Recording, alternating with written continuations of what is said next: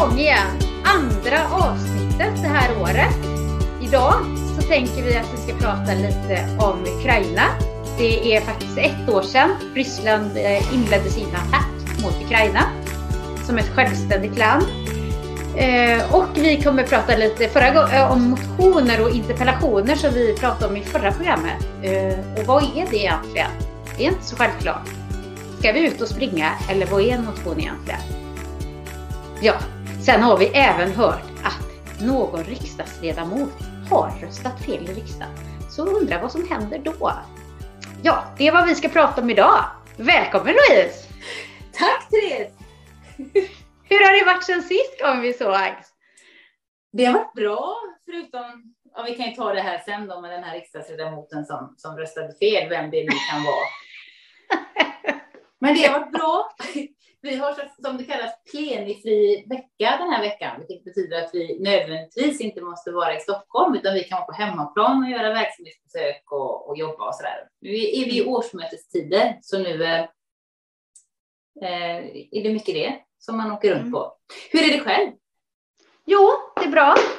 Det är fullt ös medvetslös. Eh, det är jäkligt mycket på jobbet och jag har också en uppgift i kriminologi som ska lämnas in på onsdag som jag inte ens har börjat med. Men jag tänker att det löser sig på vägen någonstans. Det brukar ja. vara sådär. När klockan är tio i tolv på onsdag natt så sitter jag det sista så skickar jag in det. Mm. Det är konstigt det där, för jag är med sån. Man gör, man, alltså jag jobbar bäst under press. Mm. Eller, ja. Jag kan ha flera veckor på mig och planera någonting. Och det är precis som jag, kan, jag bara skjuter upp det och skjuter upp det och sen sista dagen, då, då får man flow mm. när, man, när man sitter och det blir ganska kul. Men det är ju en plåga liksom innan man är klar, när man går och mm. tänker på det. Jajamän. Sen har det ju hänt en annan stor sak också. Eh, jag har eh, stegat 12 steg eh, på jag är ju medberoende så att jag har haft en sponsor och nu är jag sponsor så att nu ska jag ut. Åh, oh, men du, det, du tänk, det är tolvstegsmetoden du pratar om alltså? Det ja, vill men man ju höra alltså, lite mer av. Det är ju alltså, man går ju efter A's tolv steg kan man ja. säga, fast man eh, liksom alltså, lägger ner det på medberoende om man säger så, på mm. den nivån. Men beroende som beroende oavsett om det är substansmissbruk eller medberoende. Så att eh, skönt jag är glad att jag har gjort den här resan och mm. eh, ja, det är helt galet alltså. Det, det måste jag säga. Starkt. Men du, det är en sån här eh, jättestor eh, händelse egentligen. Och jag tänker mm. alla som lyssnar nu, för nu får man ju massa frågor till dig och, och bli mm. jätteintresserad om vad det innebär och, och vara medberoende och, och, och, varför du är medberoende och allt och din resa. Men det kanske är något för ett annat avsnitt. Om, ja, men det tar om, vi. Om du vill berätta, för det är ju inte, man vill ju inte mm. alltid flänga ut sig själv in och ut, men intressant. Man behöver inte flänga ut sig in och ut, men man kan berätta lite för att ja. det är ett väldigt viktigt ämne. Men, men det är stort och det känns som att jag är ute på mark som jag inte har varit ute på tidigare. Så det, det känns lite nervöst, men det ska bli eh, bra och roligt också. Jag tror att om, om man har haft, om man har gått igenom saker som beroende eller medberoende, när man, eller vad det nu är som har drabbat en, som, livet, som man drabbas av livet, när man tar sig ur det och får distans till det, då är det en otrolig styrka att ha med sig i livet, i allt man gör, både som privatperson och som politiker och få förstående mm. för andra människor och sådär. Så bra jobbat Therese. Så nu är du alltså, det betyder att du är sponsor nu och kan jobba är sponsor. andra? Ja, så att ja. Eh, nu ska jag då säga på mitt första möte som jag går på nu då nästa gång att när det avslutas mötet så brukar man säga så här, finns det några sponsorer? Jajamän, kan jag säga då. Kom till mig. Vad, vad, vad, vad kul, bra jobbat. Är det, är det, det är alltså anonyma alkoholister, är det de som har, eller AA som har detta? Eh, Alltså, nej, men det här är en anhörigorganisation som heter Qanon som jag har varit i, men det finns ju andra anhörigorganisationer som Allanon och ja, lite olika. Så, så att, men det spelar ingen roll. Jag är ju sponsor i alla de här medberoende ja. egentligen. Um, så. Och kanske även till missbrukare vet jag inte, men det är inte det jag riktar in mig på, utan jag får ju göra där som i min superkraft och det är ju medberoendet. Då spelar det egentligen ingen roll vilken utav de här anhörigföreningarna det är, utan man får ju liksom hitta den föreningen som ligger närmast en. Liksom. Mm. Mm. Ja, spännande Therese och, och fantastiskt bra jobbat. Och vi kanske kan ta upp det vid ett annat tillfälle. Ja, det gör vi. berätta mer. Ja. Så, vad tror du om det här med Ukraina? Nu är det ju faktiskt så att i fredags så var det ett år sedan. Ehm, och vi trodde väl alla, eller hoppades väl alla, att det här kanske skulle gå över snabbt. Mm. Ehm, och jag vet att jag nyhetsknarkade verkligen i början. De första månaderna. Det första jag gjorde när jag vaknade på morgonen, det var att titta på telefonen och på nyheterna och se vad har hänt? Eh, har det liksom blivit bra? Har de dratt sig ur? Eh, ingenting. Eh, och det varenda rast jag hade så satt jag och tittade nyheterna och varenda gång när jag gick och la mig så, så tittade jag. Mm. När vi hade i, eh, i, för ett år sedan i riksdagen så, så var ambassad, eh, Ukrainas ambassadör på plats eh, och eh, fick ta emot ovationer från alla riksdagsledamöter. Och han stod på läktaren, har jag fått berätta till mig då, och, och grät. Liksom. Och, och nu i torsdags så hade vi, uppmärksammade vi riksdagen ettårsdagen. Mm. Och då var han också där på plats, eh, uppe på läktaren. Och alla mm. vi 349 ledamöter, vi vände oss om och applåderade. Um, jag, men alltså i början av det här kriget så trodde inte jag att det skulle bli så utdraget. Eller alltså, det, vad ska man tro liksom? Man var väl nästan mm. i chock eller ja, jag vet inte om man var i chock kanske om jag ska vara riktigt ärlig, men jag trodde kanske inte att det skulle bli så här långt utdraget. Och jag trodde kanske inte heller, men det här är ju inte mitt expertområde. Jag trodde nog inte att Ukraina skulle vara så motståndskraftiga. Mm. Jag trodde nog inte att de skulle klara att hålla emot på ett sådant sätt som de har gjort. Eh, men jag är ju rädd att den här konflikten ska sprida sig. Mm. För, för Putin känns ju helt oberäknelig. Mm. Och jag, som vi också pratat om vid ett annat tillfälle, andra länder, tänker Iran, eh, Erdogan i Turkiet. Eh, eh, vi, vi, vet ju nu att Iran skickar eh, drönare till, till Ryssland. Alltså diktat, diktatorerna håller ju liksom ihop, eller diktaturerna håller ihop på något vis. Mm. Och så funderar jag på vad, vad, vad händer med Kina? Vad händer med Indien? Vad, alltså vad, vi lever ju i en helt galen polariserad tid. Um, igår så satt jag och tittade på, eller var det häromdagen, jag vet inte, något program.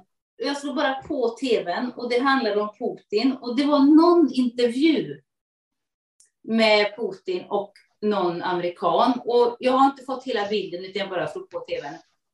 Och då var den här amerikanen lite raljant och överlägsen mot eh, president Putin. Mm.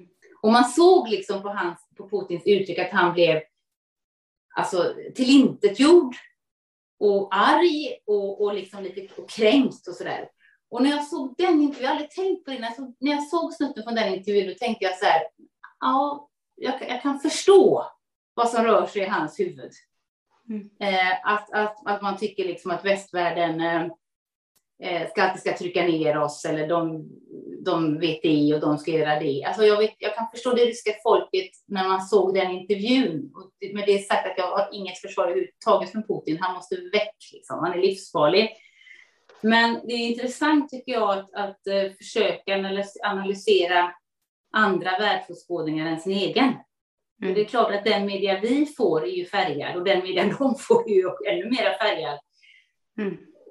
Och om man någonstans kan tänka att, att det verkligen finns två versioner och sanningen kanske finns någonstans däremellan. Och med det mm. inte sagt att jag tycker att man ska förhandla, varken med ayatollorna i Iran eller med Putin. Alltså, utan kriget är slut när, när Ryssland försvinner ur Ukraina. Liksom. Mm. Och i Iran så nås friheten när när revolution, revolutionsgardet och mullorna försvinner. Det är liksom, mm. Tiden är förbi för förhandling. Liksom. Det tycker jag. Men det är ändå mm. intressant att, att titta bakom eh, konflikter på något vis.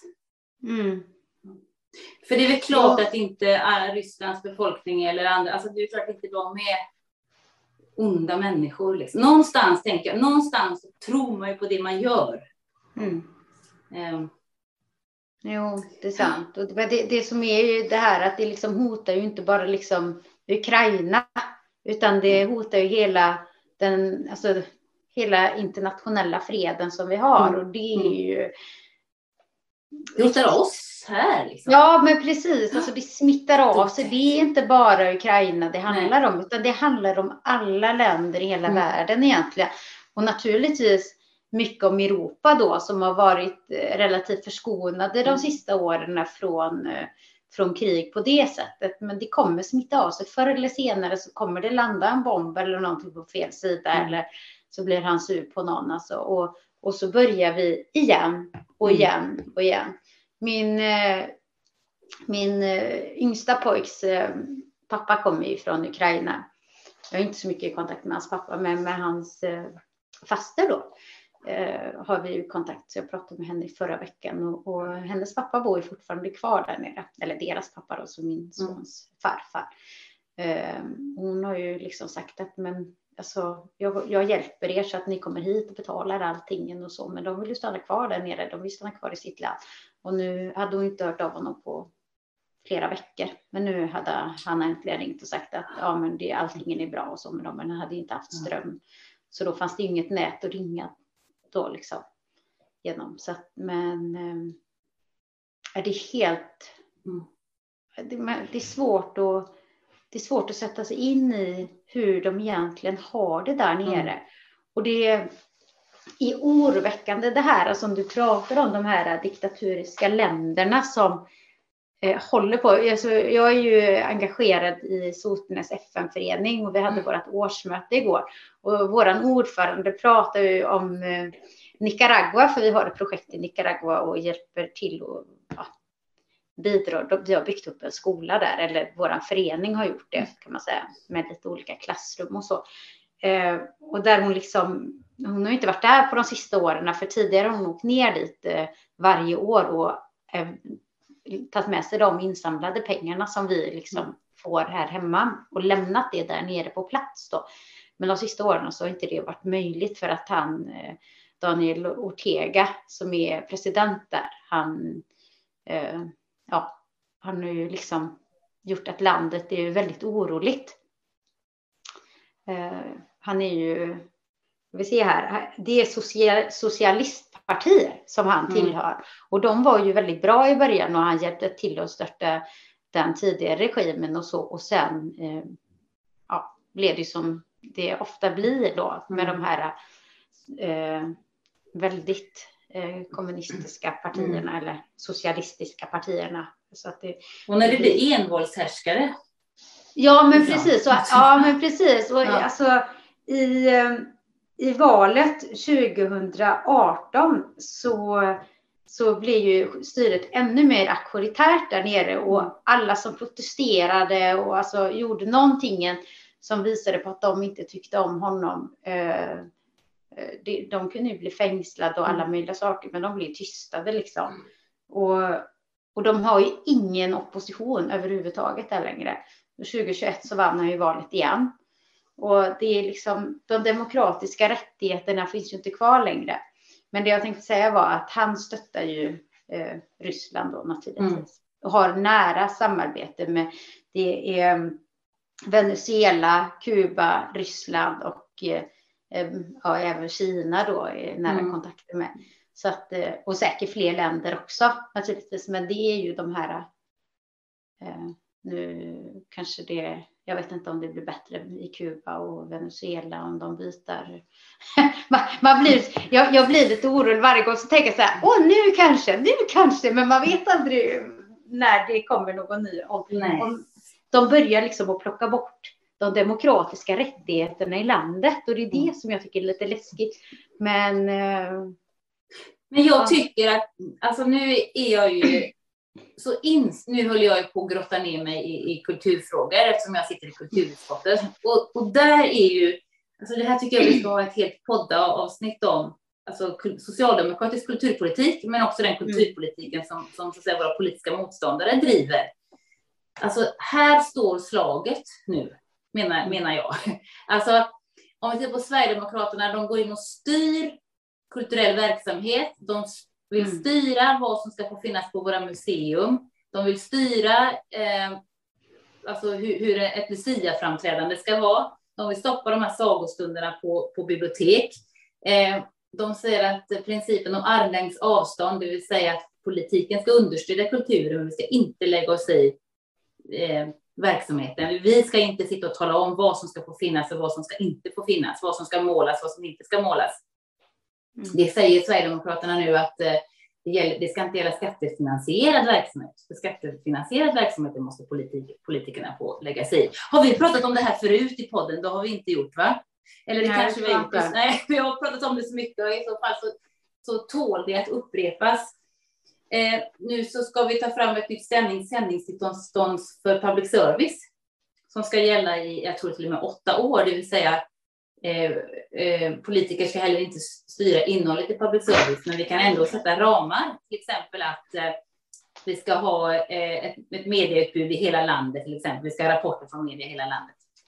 Nu fick Therese lite besök, så nu stoppar jag lite i min monolog.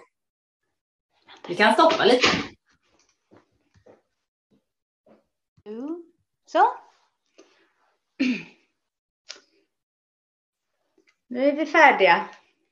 Ja, vi tog en liten paus. Och ni vet, du hör, jag går ju igång på det här. Vi pratade om, om sändningstillstånd för public service som man ska utreda nu då för det här mm. sändningstillståndet ska börja gälla 2025 eller vad det är, det nya. Och där har ju Tidöpartierna kommit överens om då. Och det finns ju ingenting i det här som vill förstärka public service oberoende till exempel. Eh, och alltså det här är, vi är många som tror och är väldigt bekymrade över hur Sverigedemokraterna försöker styra media, försöker styra kultur, kultur försöker, mm. eh, jag ska säga, slå tvivel i det som, som är våra institutioner. Och förskjutningen den sker alltid gradvis och det gör den här med. Vi måste vara uppmärksamma. Och när jag tar upp det här med folk så säger alla att jag är, nej, men alltså det, det är ingen fara för svensk demokrati och, och vi socialdemokrater, vi bara eh, vi överdriver och dessutom så har vi själva varit med och styrt, styrt kulturen ungefär får man ju alltid. Sverigedemokraterna mm. tycker att det, den är vänstervriden.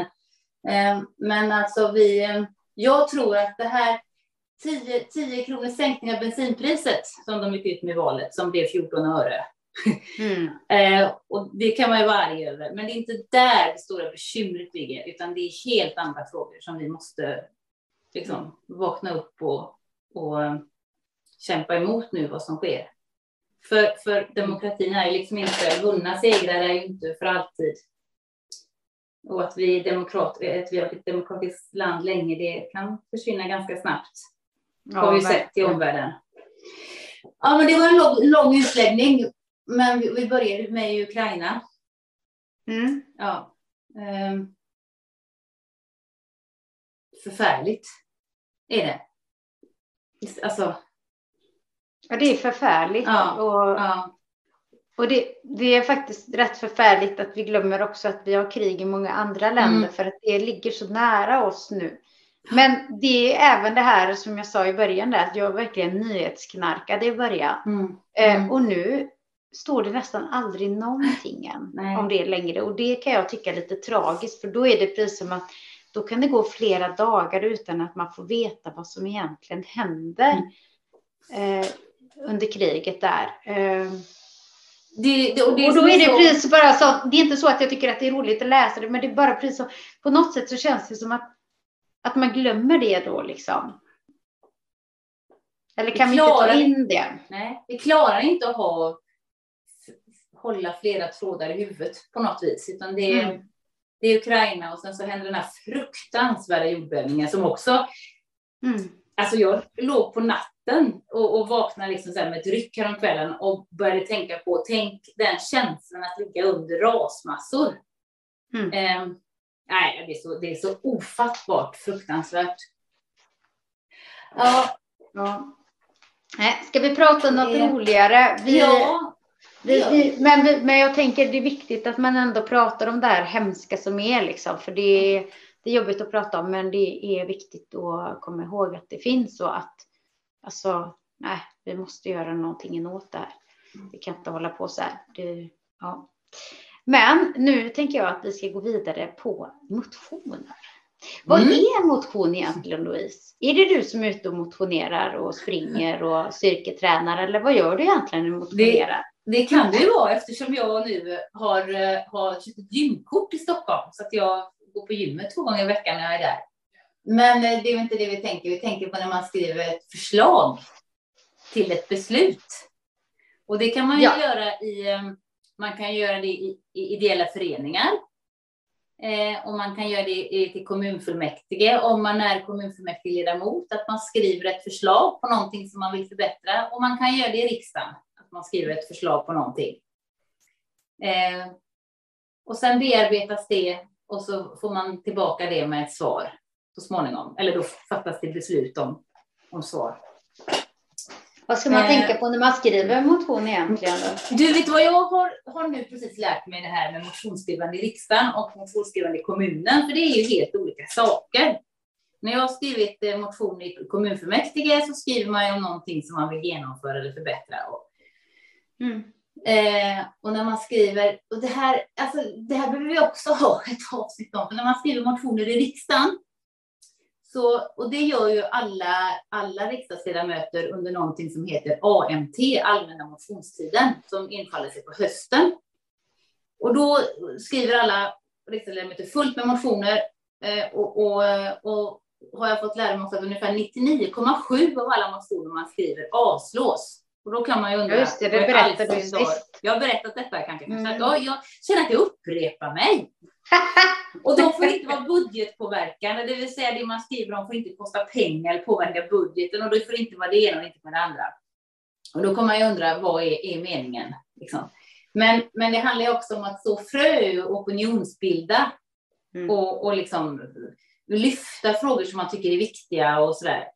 Eh, men i kommunfullmäktige så kan det ju vara lite mer direkt.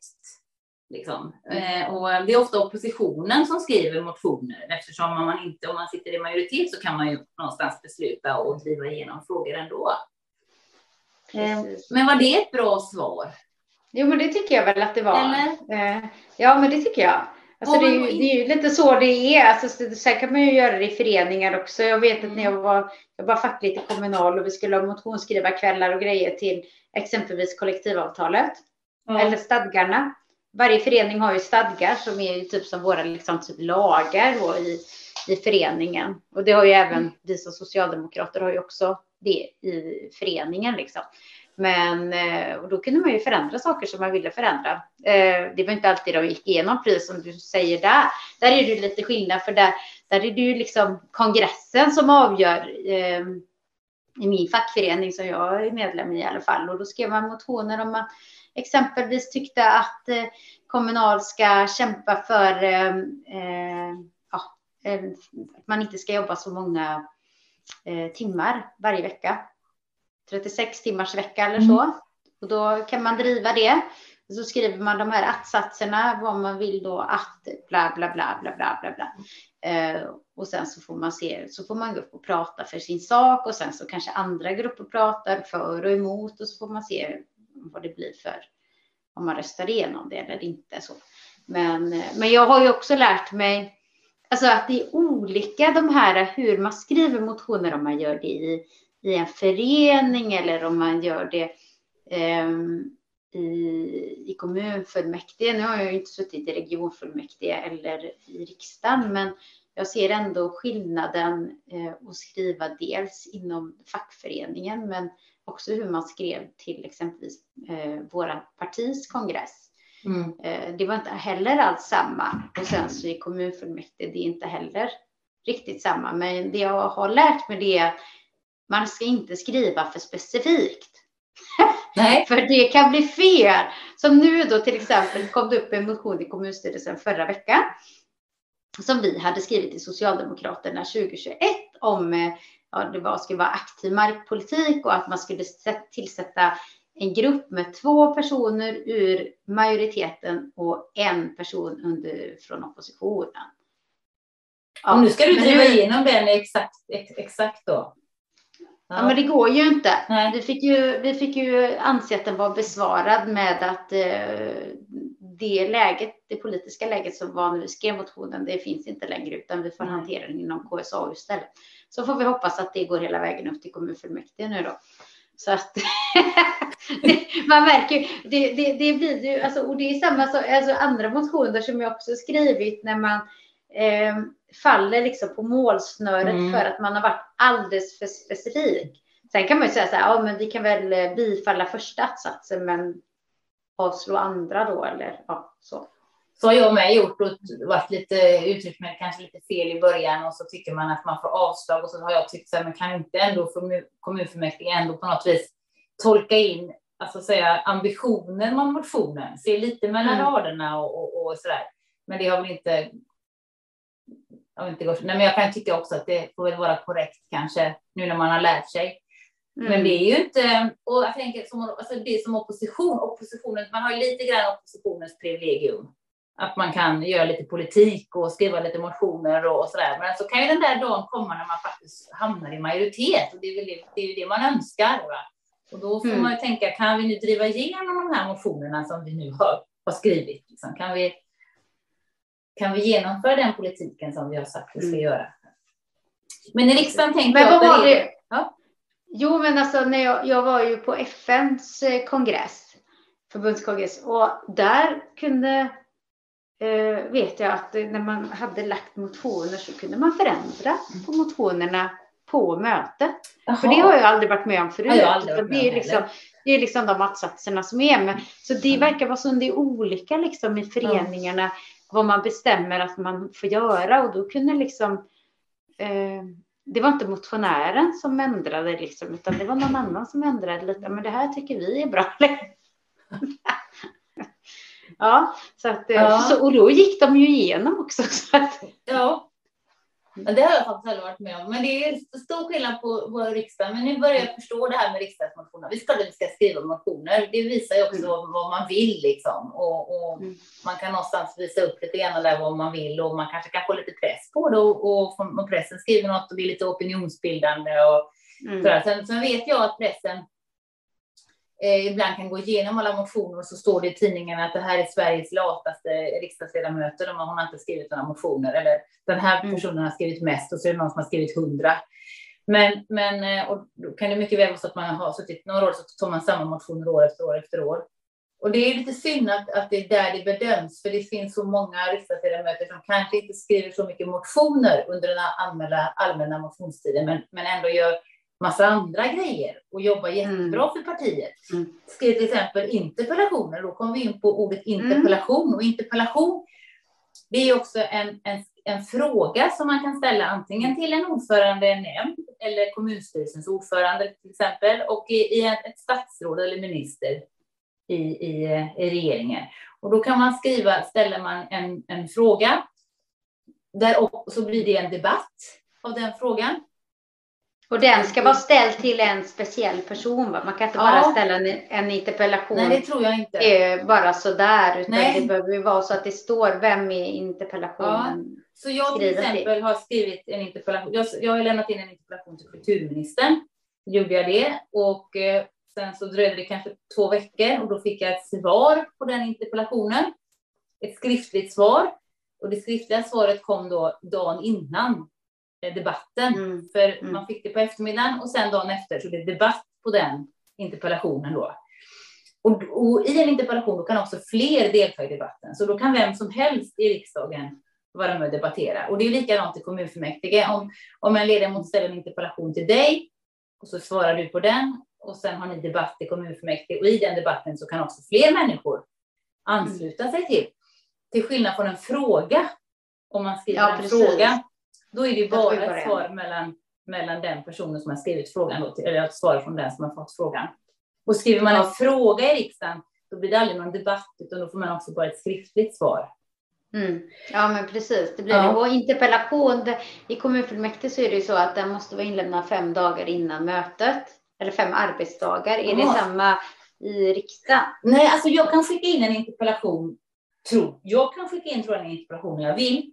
Och sen så Mm. tror jag att eh, jag eh, får ett, ett mejl om att, att den här interpellationen kommer svaras på då och då. Då får jag liksom ett datum, kanske två veckor Ja, in. okej. Då är det debatt då och då får jag svaret ett dygn innan. Mm. För jag har varit, när jag hade skickat in då min interpellation så gick jag och väntade på svaret och så kom inte svaret och då tänkte jag men jag ska debattera imorgon. Ja, Mm. jag måste veta vad ministern ska svara om jag ska kunna planera en debatt. Men då kom svaret eh, 24 timmar innan. Mm. Och sen så har man då ett antal minuter och så blir det replikskifte. Det är ju väldigt roligt och, och, och, och svårt. Och så är det ju då i, i kommunfullmäktige också. Men skillnaden Tror är... du, tror du att de skriver sina interpellationssvar själva? Eller har de anställda som gör det? Alltså när jag... Ja, det har de anställda som gör. Alltså det kommer väldigt mycket interpellationer till statsråd. Skulle de sitta och svara på alla de här interpellationerna själva, då hade de ju inte haft så mycket annat att göra. Mm. Eh, den där skriftliga svaret jag fick på en, en fråga jag ställde, det, kan det var ju inte ministern som, som svarade på det. Så, eh, det gör de nog inte själva. Mm. Däremot i debatten sen så kan man ju, när det blir då ett, en debatt och ett replikskifte, då, kan man, då måste man ju vara påläst. Mm. Alltså, och det tycker jag att, att kulturministern som jag ställde interpellation till, tycker hon är påläst. Sen så Mm. kanske jag inte håller med, det är en annan sak. Ja, ja. Men om, men om någon ställer en fråga till dig i kommunfullmäktige, då, då kan ju du och frågeställaren debattera. Mm. Även om ingen annan får lägga sig i. Men om jag skriver en fråga i riksdagen, då blir det bara ett skriftligt svar. Så att jag kommer Mm. på nu att jag kan börja och ställa en fråga. Och då får jag ett svar från eh, ministern som det gillar inte så mycket att hänga granen de där svaren. Men då kan jag använda det svaret till att fortsätta liksom den frågan och göra en interpellation i samma fråga Mm. och så liksom hålla debatten vid liv liksom, på något vis. Mm. Det är väl sånt där man lär sig efter ett tag. Nu när jag är så rutinerad. Men jag tänker så här. Nu är jag lite. Fan, jag gillar ju liksom att skriva alla mina grejer själv. Ja, men det är jag tal. Ja, och varför? Ja. Vad fasen om man, usch nu svär jag eh, här, men eh, alltså inte skriva sina svar själv eh, för att man, det kommer så mycket interpellationer, då är det något problem med systemet om man inte, utan man måste ha anställda som gör det. Ja, men alltså jag, när du, nej men jag, alltså nu ska inte jag säga att det är Mm. så här. Det kanske, det kanske ringer någon, någon statsråd upp till mig nu och, hem till mig och säger att jag skriver alla mina svar själv, så lägg av. Men Mm. det, det, det har jag ju svårt att tänka mig att det är, utan det tror jag att det är någon som skriver och så får eh, Mm. ansvarig statsråd eller minister läsa igenom det och så vara förberedd och så har man debatten. Det är själva det första svaret liksom. Men det är klart om, om, om en motion svarar ju inte du som kommunstyrelsens Nej, nej. Utan nej. det svarar ju förvaltningen på. Ja. Men, men det är klart en interpellation eller ett, en fråga, det hade i kommunen så svarar man väl själv på den antar jag. Men jag, Nej, jag vet ibland- inte. För jag att, tror att i Tanums kommun så tror jag att det har varit ganska olika. Jag tror att det har varit Mm. tjänstepersoner som har svarat och så har då eh, kommunstyrelsens ordförande eller någon nämndsordförande hållit i debatten och i princip läst upp svaret. Och ibland så Mm. tror jag att de har svarat själva. Det har nog varit ganska olika. Mm. Ja, men precis. För jag tror, för nu fick vi en första interpellation i januari, eller i februari då när vi Okej. hade eh, mötet och då skrev förvaltningschefen eh, till den personen som hade, eller den ordförande som fick frågan då, ett interpellationssvar. Eh, Ja. Men jag tänkte så här, jag kommer nog skriva mitt eget svar. Man kan ju Men- utgå från det. Ja, man kan ju utgå ifrån, och så. ja, Ja. precis, jajamän.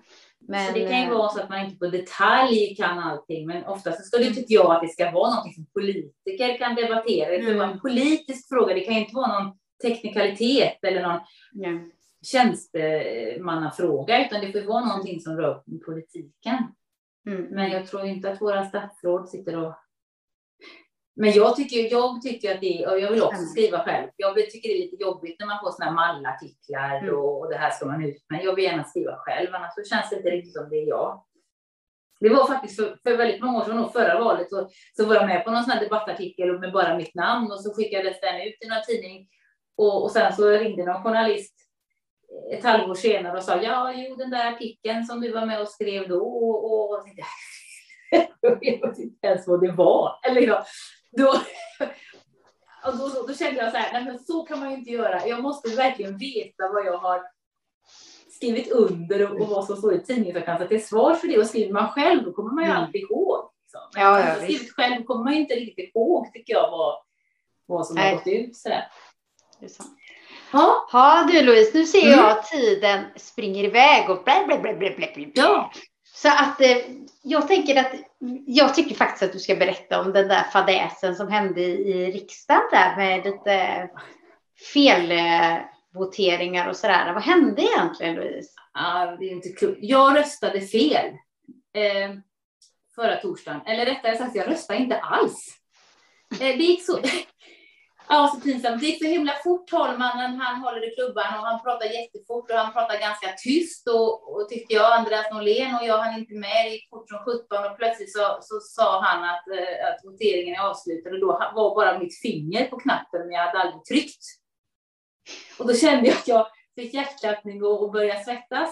Eh, och sen så var det nästa punkt och eh, och, och då tänkte jag nu ska jag vara beredd och så gick det så himla fort och jag bara svettades på för att jag var orolig för att det blev fel förra gången och plötsligt så säger han omröstningen är avslutad så då är fortfarande bara mitt finger på knappen men jag har inte tryckt. Så två gånger glömde jag trycka på, på, på knappen, alltså den jag skulle trycka på. Vad fick du göra då? Då, ja, då fick var... jag ju, då fick jag, då, då fick jag stå, ja, då fick jag fick jag gå fram till talmannen och så gav han mig en strut, en sån här stjärngossestrut och så fick jag stå med den i ett hörn och så fick jag stå där och skämmas framför alla i tio minuter. Men så var det inte, men då fick jag gå bakom då där talmannen sitter och så fick jag gå in i ett rum och så fick jag skriva på ett papper om vad jag hade, vad jag hade tänkt att rösta. Eh, men eh, det en, man kan liksom inte ändra resultatet av omröstningen utan, utan röstningen har, har skett Liksom. Det är mm. inte så att jag kan vrida klockan tillbaka och att jag kan ändra mig, utan man får stå sitt kast. Eh, men det är först i protokollet att jag då ämnade rösta på någonting annat. Men det mm. händer ju, har jag förstått, att, att, mm. att det blir så här. Och, och, alla som jag har pratat med har ju, har ju eh, röstat fel någon gång. Mm. Eh, och, och, och, jag vet att eh, Ibrahim Baylan till exempel, han röstade ju fel förra mandatperioden och då var det ju med en, en rösts övervikt. Det var när Sverigedemokraterna och Moderaterna, de här blåa, ville ha en, de, de ska ju genomföra en folkräkning.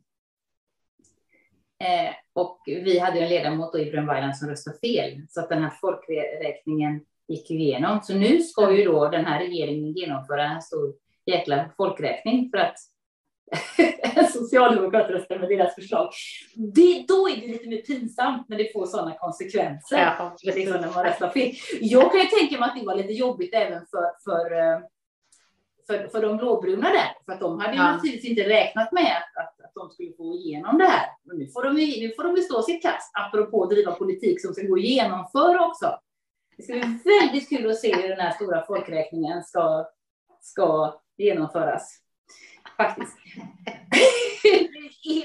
Jätteroligt, ja, tycker jag. Ja, faktiskt. För det, jag tror inte att det är så himla enkelt att genomföra och framförallt så är det nog ganska dyrt och hur det här ska gå till. Liksom. Men när jag röstade fel så fick det inte sådana konsekvenser, men det var ju pinsamt. Det går alltså inte när man sitter i kammaren och fipplar med telefonen eller, eller tänka på annat, eh, utan Nej. man måste faktiskt vara man måste hålla sig alert och, och verkligen mm. vara och koll på läget så man inte ska rösta fel.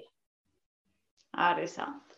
Ja, då får vi önska dig högre eller bättre lycka till nästa gång Louise. Och så har vi en liten limerick här. Ja, jag tänker att jag ska avsluta med. Jag hade tänkt att jag kanske skulle tagit min lilla limerick så jag skrivit till dig, men eh, det är ju bara 27 februari idag så vi får vänta lite. Det är, ju, det, det är i alla fall några dagar kvar tills du fyller 50 år. Så att eh, vi tar en ur eh, Hasses Svea hundar istället. Obs! Denne fete man döpte sina fötter till Snipp och Snapp.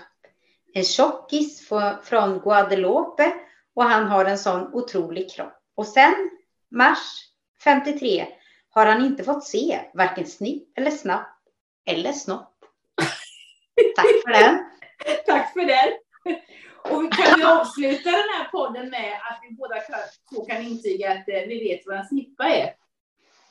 Det tycker jag verkligen att Ja. vi ska intyga. Att vi vet vad en snippa är. Men det finns tydligen vissa eh, andra personer som inte vet vad en snippa är. Och det kan få eh, tråkiga konsekvenser. Ja, som har legat under en sten under de senaste åren. Eller något. Ja, usch. Ja. Så är det. Tack för oss och Tack så får ni ha det så trevligt.